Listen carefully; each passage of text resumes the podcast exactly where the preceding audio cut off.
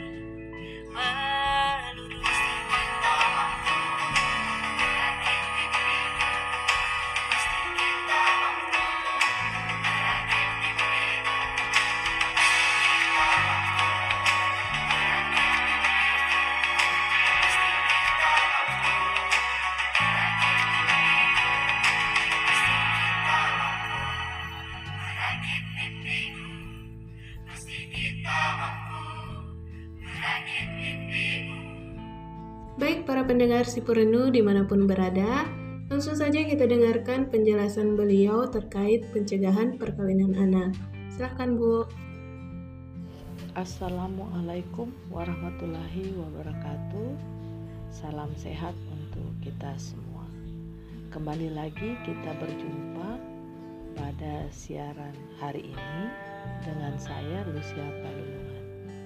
Pada kesempatan ini kita akan kembali membahas tentang eh, pencegahan perkawinan anak di mana sebelumnya pihak eh, redaksi sudah menerima eh, pertanyaan-pertanyaan yang pemirsa sudah sampaikan kepada kami. Pertanyaan pertama adalah bila ada perkawinan anak di sekitar saya, apa yang dapat saya lakukan?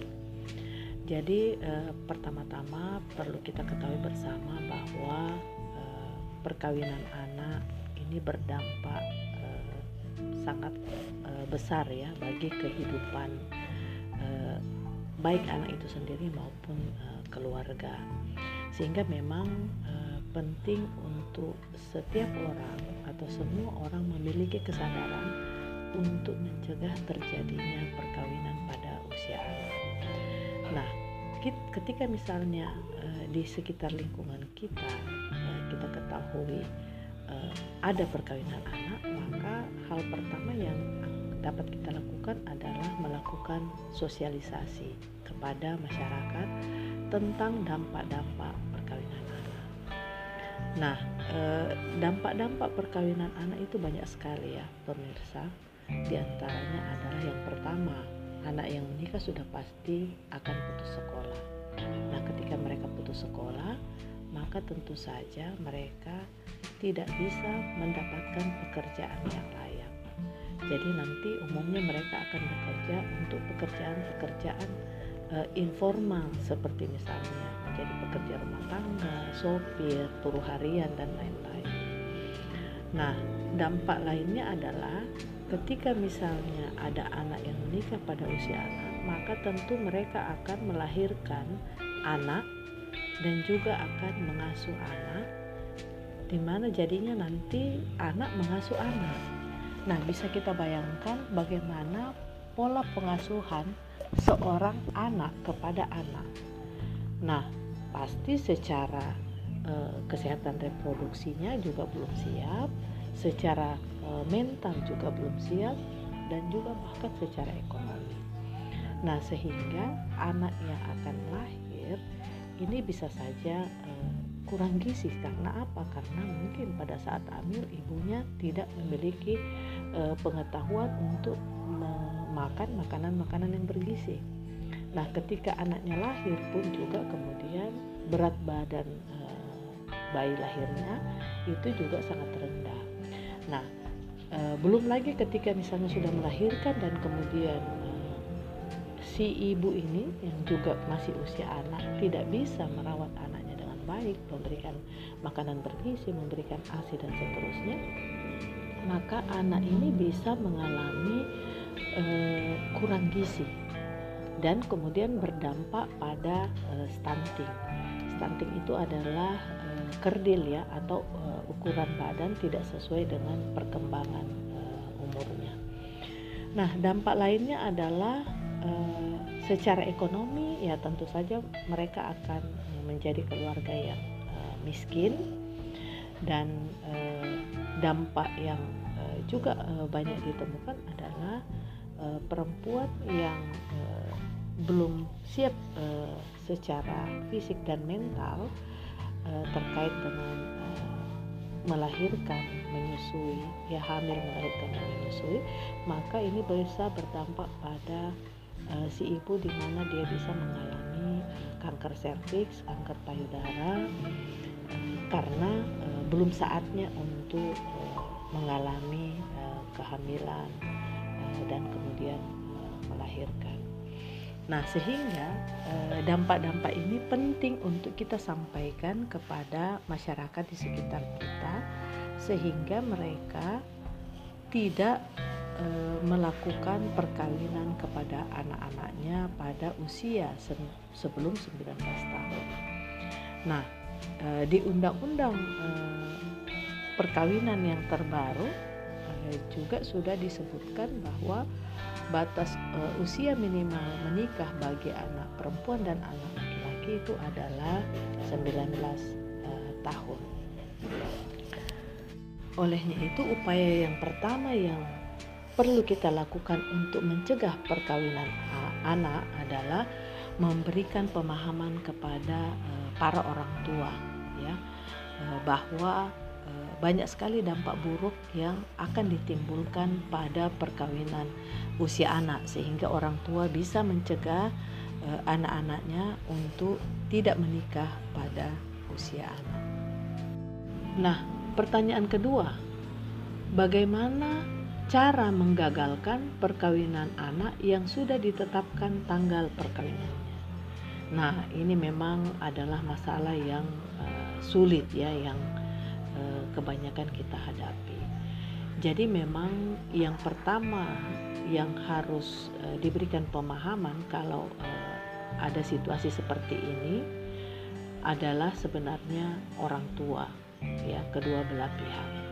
Jadi memang orang tua harus diberi pemahaman tentang dampak negatif dari perkawinan pada usia anak. Nah, memang kebanyakan untuk kasus-kasus eh, perkawinan eh, pada usia anak memang biasanya salah satu alasan eh, yang kemudian eh, tidak membatalkan perkawinan adalah eh, karena eh, sudah ditetapkan tanggal perkawinan, uang belanja sudah diterima, uang naik juga sudah diterima, kemudian sudah beredar undangan dan seterusnya. Tapi eh, sebelum eh, itu memang perlu kita ketahui bahwa eh, saat ini eh, untuk menikahkan anak tidak semudah eh, yang belakangan ini terjadi ya.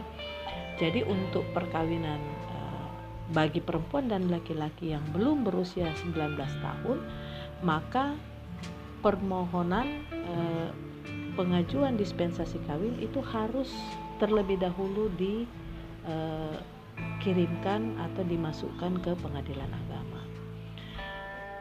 KUA tidak bisa eh, menikahkan ya ketika misalnya tidak ada eh, penetapan eh, dispensasi eh, nikah dari eh, pengadilan agama Eh, di mana nanti eh, sistem di KUA itu eh, akan otomatis menolak jadi sistemnya itu akan menolak ketika eh, tanggal lahir calon mempelai itu diinput jadi ketika ada eh, tanggal lahir yang di bawah eh, 19 tahun baik itu laki-laki atau perempuan maka sistem nikah atau simkah di KUA itu akan menolak eh, permohonan tersebut.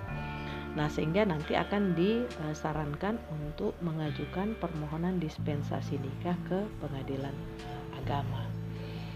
Nah, jadi eh, sebelum eh, misalnya eh, perkawinan itu direncanakan, maka ini memang eh, penting untuk disampaikan eh, sebelumnya, ya. Karena biasanya begini, biasanya eh, di sebuah eh, desa, ya, biasanya eh, ketika akan terjadi perkawinan itu mudah diketahui oleh eh, masyarakat yang ada di situ. Nah, ketika misalnya kita mendengar misalnya ada tetangga kita ya yang akan menikahkan anaknya atau keluarga kita yang akan menikahkan anaknya, maka hal yang pertama yang harus kita ketahui ya atau sampaikan ke orang tua kedua mempelai bahwa apakah usia mereka itu sudah di atas 19 tahun ya. Ini juga untuk menghindari misalnya jangan sampai sudah terjadi pelamaran, sudah terjadi penentuan uang belanja, uang naik dan seterusnya. Ta, eh, tapi kemudian ternyata usia eh, salah satu atau kedua calon mempelainya belum berusia 19 tahun. Nah, ini memang penting kita lakukan karena banyak sekali masyarakat yang eh, belum mengetahui perubahan batas usia minimal di dalam undang-undang perkawinan yang baru sehingga memang perlu kita eh, sampaikan. Nah, kalau misalnya ada kasus misalnya sudah terlanjur ditetapkan tanggal perkawinan, apakah kita bisa menggagalkan? Nah, e, memang tentu saja kita tidak punya kewenangan untuk e, menggagalkan perkawinan. Yang bisa dilakukan adalah hanya memberikan pemahaman kepada orang tua tentang dampak da, e, negatif dari e, perkawinan bagi laki-laki dan perempuan yang belum berusia 19 tahun. Nah, tapi kalau misalnya eh, apa mereka belum eh, sudah kemudian menetapkan tanggal perkawinan, ya.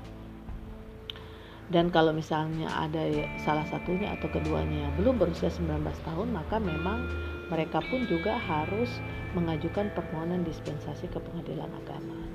Nah, eh, sekarang ini pengetatan terhadap perkawinan anak ya itu eh, sangat ketat di pengadilan agama prosesnya. Jadi biasanya yang eh, dikabulkan permohonan dispensasinya itu adalah perkawinan yang memang sudah tidak bisa tidak dinikahkan. Eh, artinya dalam hal ini karena eh, hamil.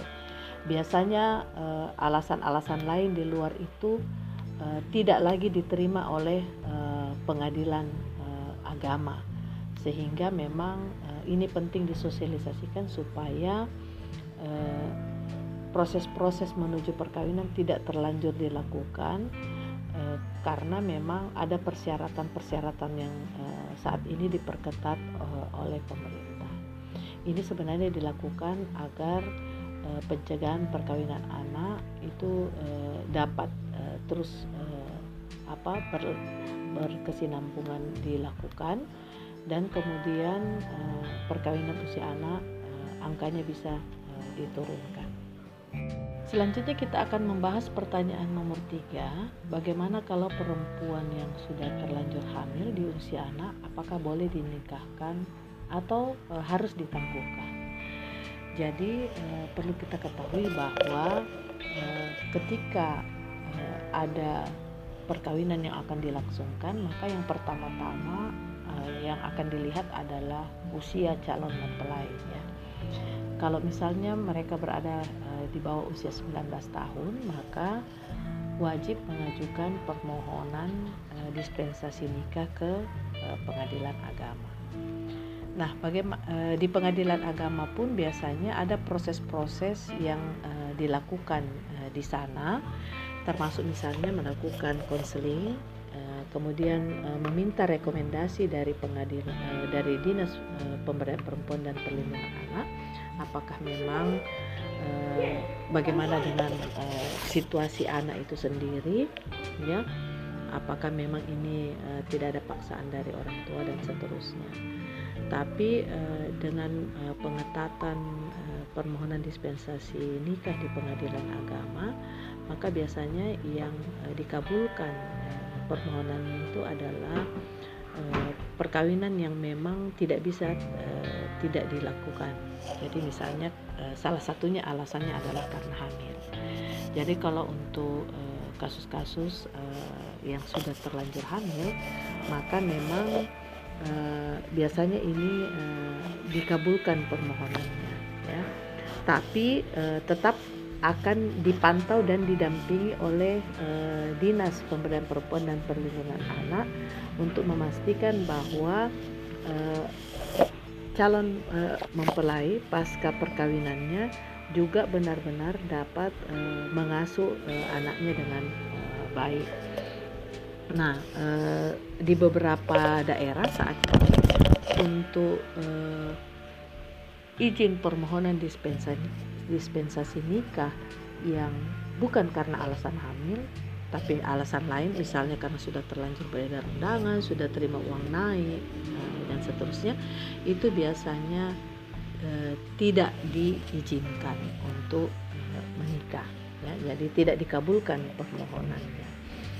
Nah, ini sebenarnya eh, salah satu upaya yang eh, dilakukan oleh eh, pemerintah daerah bersama dengan pengadilan agama untuk menurunkan eh, angka perkawinan eh, anak.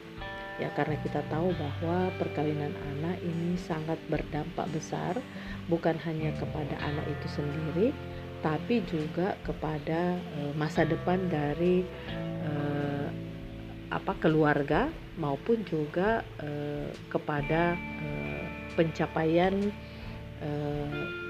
pembangunan daerah maupun nasional karena kita tahu bahwa ketika eh, anak-anak menikah pada usia sebelum 19 tahun maka tentu saja mereka eh, akan putus sekolah ya Nah, ini sebenarnya sejalan juga dengan pertanyaan eh, berikutnya, pertanyaan keempat yang menanyakan bahwa apakah anak yang menikah di bawah umur apakah masih bisa sekolah. Jadi memang eh, ketentuan soal anak yang eh, sudah terlanjur menikah ya memang secara umum eh, biasanya ini adalah kemudian putus sekolah ya. Nah, eh, tapi sebenarnya eh, tetap eh, mereka masih dimungkinkan untuk mendapatkan eh, ijazah. Jadi eh, mereka bisa mengurus yang namanya paket eh, A, B atau C ya. Jadi misalnya kalau mereka belum tamat SMA, maka mereka bisa mengurus paket eh, C. Sehingga mereka nantinya bisa mendapatkan eh, ijazah yang setara dengan eh, sekolah menengah eh, atas atau sekolah menengah umum gitu. Namun memang eh, dianjurkan bahwa eh, sedapat mungkin anak-anak eh, sebaiknya menikah di atas usia 19 tahun supaya eh, mereka juga memiliki kesiapan eh, fisik dan mental, memiliki kesiapan psikologi eh, dan juga kesiapan lainnya seperti eh, sosial dan ekonomi. Sehingga nantinya eh, mereka dapat eh, menjalani kehidupan eh, rumah tangganya eh, dengan baik ya. Eh, dan kemudian eh, mereka bisa eh, hidup eh, sebagai keluarga yang eh, sejahtera. Jadi itu sebenarnya eh, tujuan eh, mengapa perkawinan eh, usia anak ini eh, harus eh, dicegah. Berikutnya kita akan membahas pertanyaan eh, terakhir yang eh, telah dikirimkan oleh eh, pemirsa yaitu bagaimana cara menghadapi oknum yang meloloskan syarat administrasi perkawinan anak, misalnya menaikkan usia anak. Ya, jadi eh, perlu kita ketahui bahwa ketika ada oknum yang menaikkan usia anak, maka eh, oknum tersebut bisa dikenakan sanksi pasal pemalsuan ya karena eh, dalam hal ini memalsukan identitas daripada eh, calon pengantin. Nah, eh, pasal pemalsuan ini eh, tercantum dalam eh, KUH pidana atau Kitab Undang-Undang Hukum Pidana. Nah, eh, penting kita ketahui bahwa sejak adanya eh, perubahan terhadap undang-undang perkawinan yaitu Undang-Undang Nomor 16 Tahun 2019 eh, di mana mengatur batas usia minimal perkawinan bagi laki-laki dan perempuan adalah 19 tahun maka juga eh, untuk mencegah terjadinya perkawinan eh, usia di bawah 19 tahun maka eh, pemerintah juga sudah membuat sistem yang namanya sistem eh, nikah ya atau SIMKA. Sistem eh, pencatatan nikah ini ini eh, dibuat eh, melalui Kemenak dan kemudian diterapkan di setiap eh, KUA ya atau kantor urusan agama. Jadi sekarang kalau misalnya ada calon mempelai yang akan eh, menikah, maka dia harus memenuhi syarat-syarat administrasi sesuai dengan ketentuan undang-undang. Nah, tentu saja salah satunya adalah melampirkan eh, identitas eh, para calon mempelai yaitu eh, KTP dan eh, kartu keluarga dan juga eh, akte kelahiran. Nah, karena sistem eh, kependudukan kita ini eh, saat ini sudah eh, sistem eh, eKTP, maka tentu saja data kita sudah terdaftar di eh, kantor catatan sipil, ya. Eh, dan kemudian eh, data ini juga sudah terkoneksi dengan eh, Ke- Kementerian Agama dalam hal ini eh, KUA. Jadi ketika kita eh, membawa alat-alat kelengkapan administrasi ke KUA, jadi ketika kita mengurus eh, permohonan untuk eh, pencatatan perkawinan ke KUA, maka eh, data-data yang kita masukkan itu akan dimasukkan ke dalam yang namanya eh, SIMKah. Nah, tentu saja karena data data di eh, catatan sipil sudah terkoneksi dengan eh, apa eh, kantor urusan agama secara online, maka begitu eh, tanggal lahir eh, calon eh, mempelai diinput ke dalam sistem nikah, maka itu akan langsung terbaca eh, apakah eh, dia ini sudah memenuhi atau tidak memenuhi syarat. Jadi kalau tidak memenuhi syarat maka eh, datanya tidak akan eh, keluar dan eh, tentu saja pihak KUA akan menolak untuk melanjutkan proses pencatatan nikah tersebut. Nah, ini yang eh, penting kita ketahui sebagai masyarakat bahwa dengan adanya SIMKah maka eh, kemungkinan untuk mengubah data kependudukan seperti tadi pertanyaannya apakah bisa menaikkan eh, umur maka dengan adanya sistem pencatatan perkawinan eh, yang namanya SIMKah maka tidak bisa lagi. Ya kenapa? Karena eh, sistem eh, pendataan kependudukan di Indonesia itu si- sistemnya sudah online. Sehingga ke- eh, begitu ada eh, calon yang mau mendaftarkan perkawinannya maka ini akan eh, dicek dulu ke dalam eh, sistem tersebut.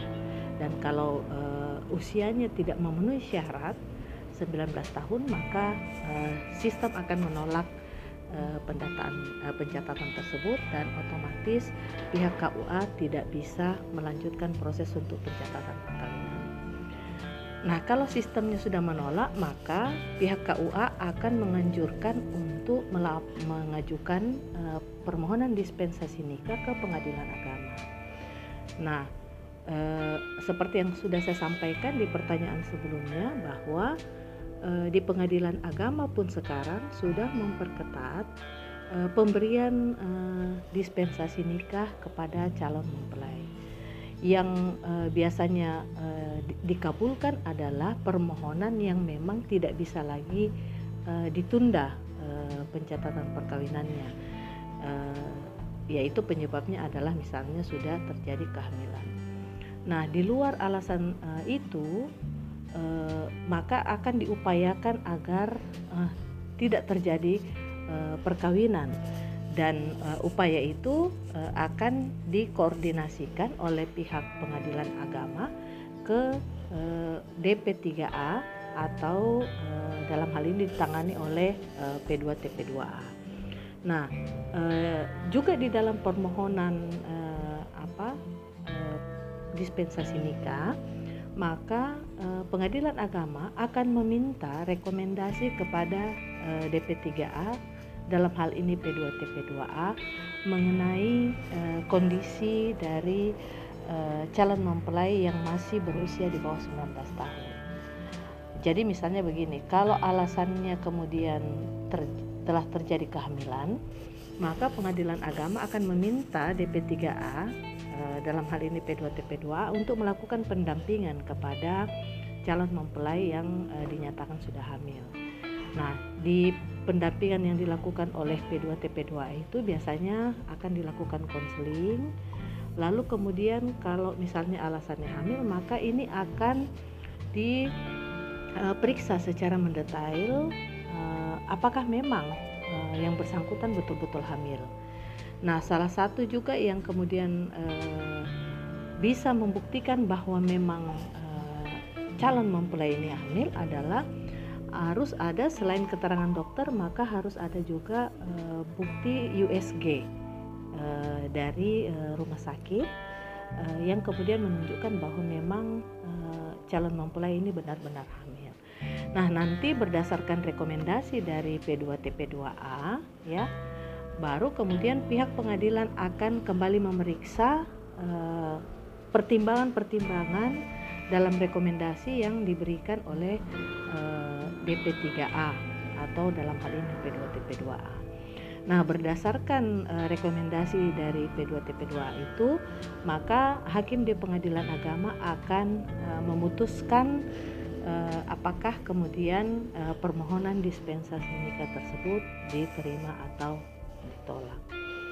Jadi eh, ini yang perlu disampaikan kepada masyarakat eh, bahwa sekarang ini eh, usia minimal untuk melakukan perkawinan bagi laki-laki dan perempuan ada 19 tahun dan di bawah 19 tahun maka harus mengajukan permohonan dispensasi nikah ke pengadilan agama.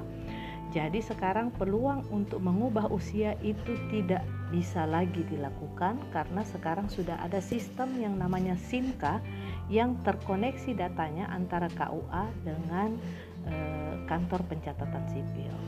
Jadi tidak seperti lagi dulu eh, sistemnya eh, belum ada dan eh, mekanismenya masih eh, manual.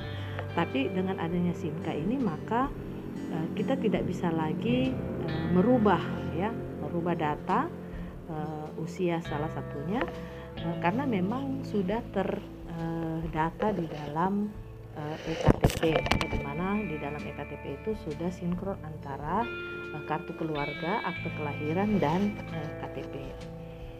Nah, jadi eh, seperti itu penjelasan tentang eh, perkawinan anak.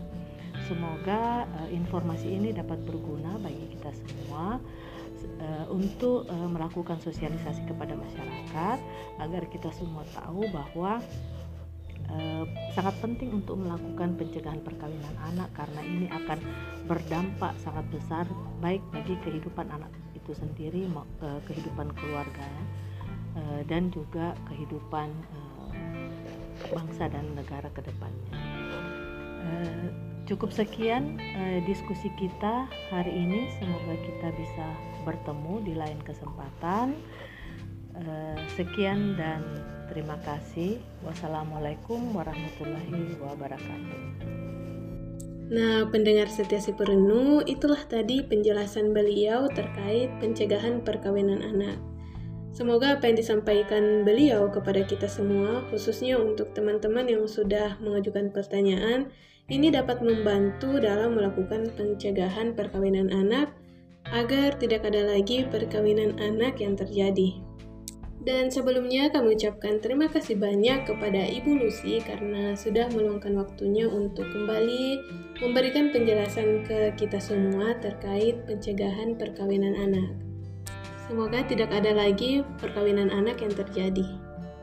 Baik, sampai di sini dulu saya menemani kalian dalam program Talkshow Perempuan. Tetap ingat ya untuk tetap jaga kesehatan dan patuhi protokol kesehatan. Saya Deli, mohon maaf apabila ada salah kata. Wassalamualaikum warahmatullahi wabarakatuh.